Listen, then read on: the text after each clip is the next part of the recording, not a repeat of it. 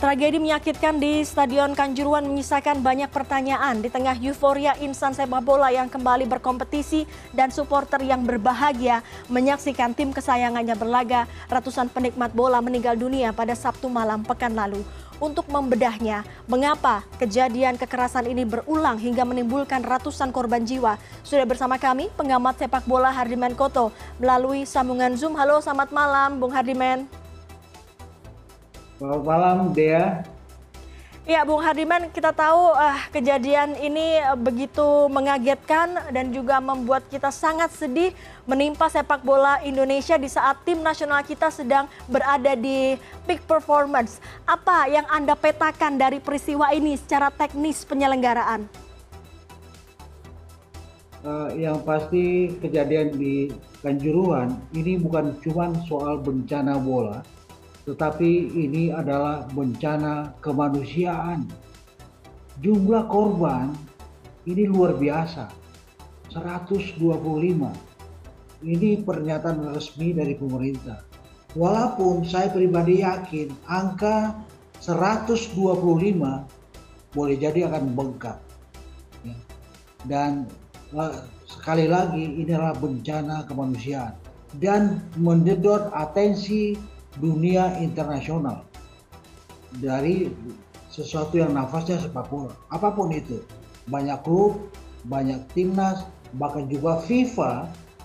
Ada 211 negara anggota mereka itu memasang bendera setengah siang. Bendera setengah tiang di markas FIFA di Zurich di Swiss. Ini luar biasa. Mhm. Bung Hardiman, eh, kalau kita melihat peristiwa ini uh, secara teknis ini uh, kemarin terjadi uh, antara uh, supporter dan juga kepolisian. Saya ingin bertanya, kita tahu bahwa kejadian-kejadian seperti ini ada gas air mata, kemudian ada pendekatan keamanan yang selalu menjadi nomor satu saat big match. Anda melihatnya seperti apa? Pendekatan keamanan yang selalu dipilih oleh penyelenggara saat ada big match. Ya ini menjadi sesuatu yang menarik yang harus saya garis bawahi. Bagaimana manajemen penyelenggaraan lewat prosesi keamanan. Ini yang mungkin tidak jalan. Saya melihat ini adalah duel Arema melawan Persebaya. Ini high risk match. Duel dengan tensi sangat tinggi. Ini artinya pro progres pengamanan ini benar-benar harus detail, harus detail. Dan saya melihat di Indonesia sekarang yang punya FIFA license untuk security officer itu hanya satu. Tetapi Nugroho Setiawan yang punya FIFA license untuk security officer tidak lagi dipakai oleh PSSI. Artinya apa? Artinya soal pengamanan tidak ada orang yang benar-benar sahih, tidak ada orang-orang yang benar-benar mumpuni dalam pengelolaan manajemen keamanan dalam suatu partai, dalam suatu pertandingan. Apalagi untuk pertandingan dengan tensi yang sangat tinggi seperti Arema melawan Persebaya. Jadi kalau kemudian bagaimana pendekatan keamanan ya, tidak begitu bagus sampai terjadi pelepasan gas air mata yang boleh jadi ini menjadi sentral. Kenapa kemudian lebih dari 100 nyawa hilang sia-sia karena apa? Karena pendekatan keamanan yang tidak begitu bagus. Saya tidak mau mengatakan tidak jalan, tapi tidak begitu bagus. Dia. Mhm. Artinya tidak begitu bagus, ini berlangsung dari dulu sampai sekarang. Apakah Anda sepakat dengan itu? Karena kejadian ini tidak hanya di tahun 2022, bahkan di saat uh, Liga eh, uh, 20 atau 15 tahun yang lalu juga terjadi seperti ini. Dan dia tadi sudah menjelaskan ada daftar panjang ya bagaimana rusuh di sepak bola domestik dalam kompetisi kompetisi di, di Liga Indonesia sudah dia jelaskan kan. Dan klimaksnya memang adalah tragedi Sabtu malam 1 Oktober 2022 di Kanjuruhan. Ini klimaks, ini klimaks, dan ini dasar. Makanya saya bilang ini adalah bencana kemanusiaan yang terhebat di era milenial ini. Sampai kemudian kita tahu banyak pelatih-pelatih top dunia menyatakan keprihatinannya. Banyak timnas dari mancanegara menyatakan keprihatinannya. banyak kompetisi terkenal top 5 league di Eropa melakukan upacara mengheningkan cipta menyatakan bahwa empati mereka ini luar biasa sampai FIFA juga lewat presidennya Infantino juga menyatakan inilah hari yang paling kelam dalam sepak bola dan itu terjadi di Malang di Surabaya ketika uh, apa uh, sepak bola sudah keluar dengan sesuatu yang benar-benar membuat kita miris. Mhm. Kejadian uh, yang sangat tragis, ada ratusan orang meninggal dunia dan uh, faktanya Indonesia juga akan menjadi tuan rumah event-event olahraga yeah. internasional. Salah satunya adalah Piala Dunia Under 20 di 2023. Yeah. Anda melihatnya seperti apa? Apakah ini uh, sangat memengaruhi uh, posisi Indonesia ketika nanti menyelenggarakan event Piala Dunia dan kita juga sedang bidding untuk uh, Piala Asia.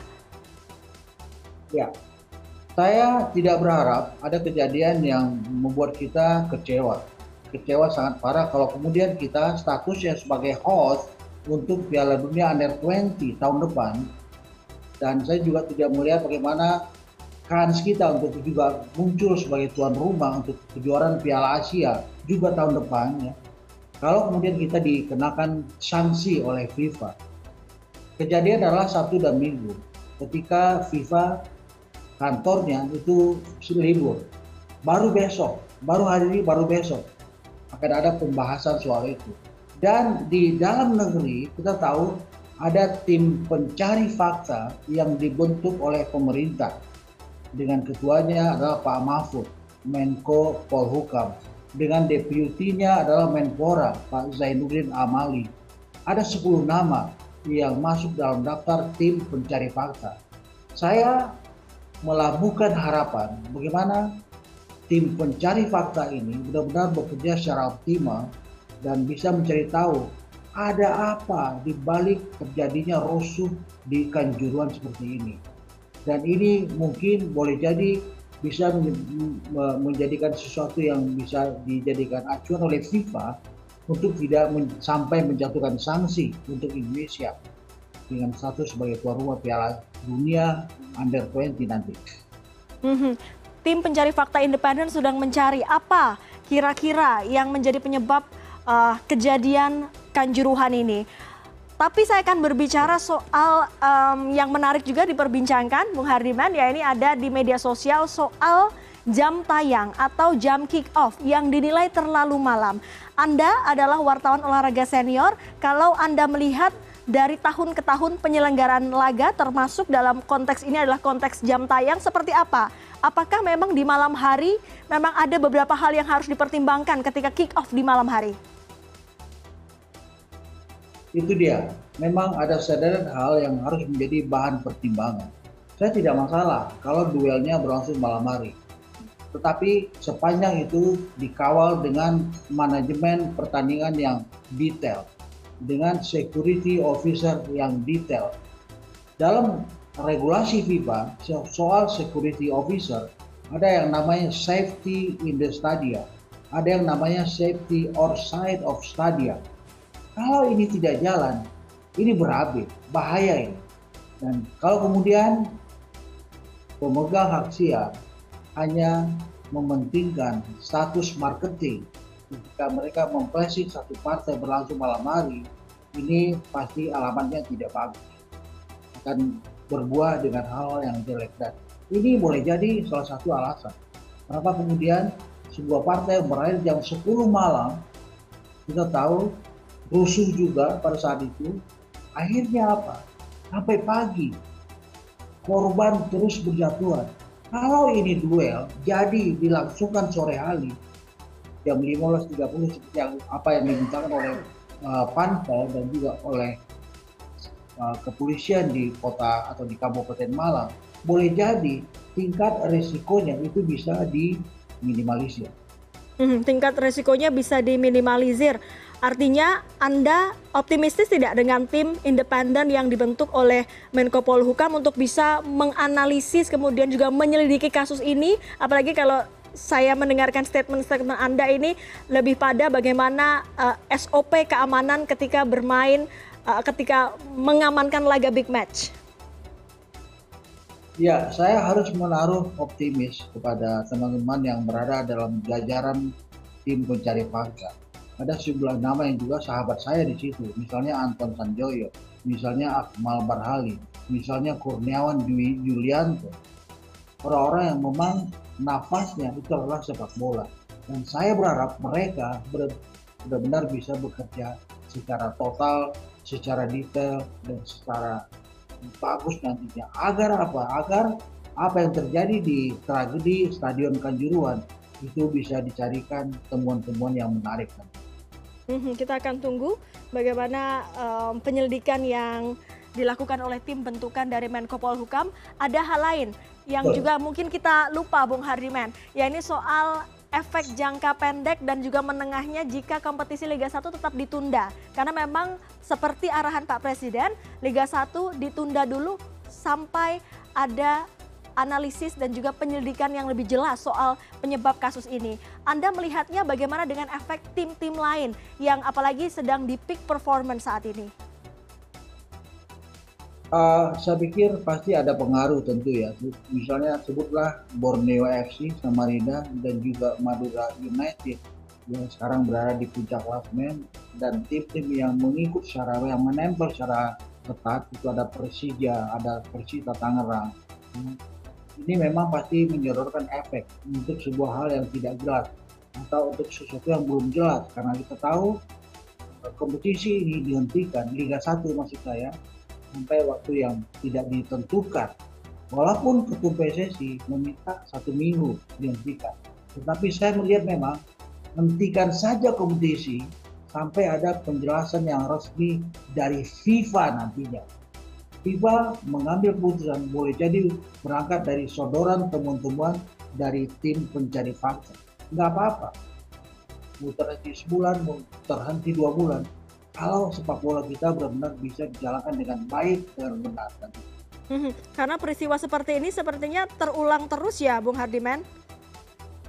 Ya, selalu terulang, selalu terjadi, selalu ada air mata, selalu ada kuburan dalam pentas sepak bola kita. Padahal sepak bola itu adalah hiburan, bukan kuburan. Sedih saya. Baik sepak bola adalah hiburan, bukan kuburan. Itu yang disampaikan oleh ya. pengamat sepak bola Hardiman Koto yang sudah bergabung bersama kami di Sports Corner malam hari ini. Terima kasih Bung Hardiman, sehat selalu Bung Hardiman. Terima kasih Dea.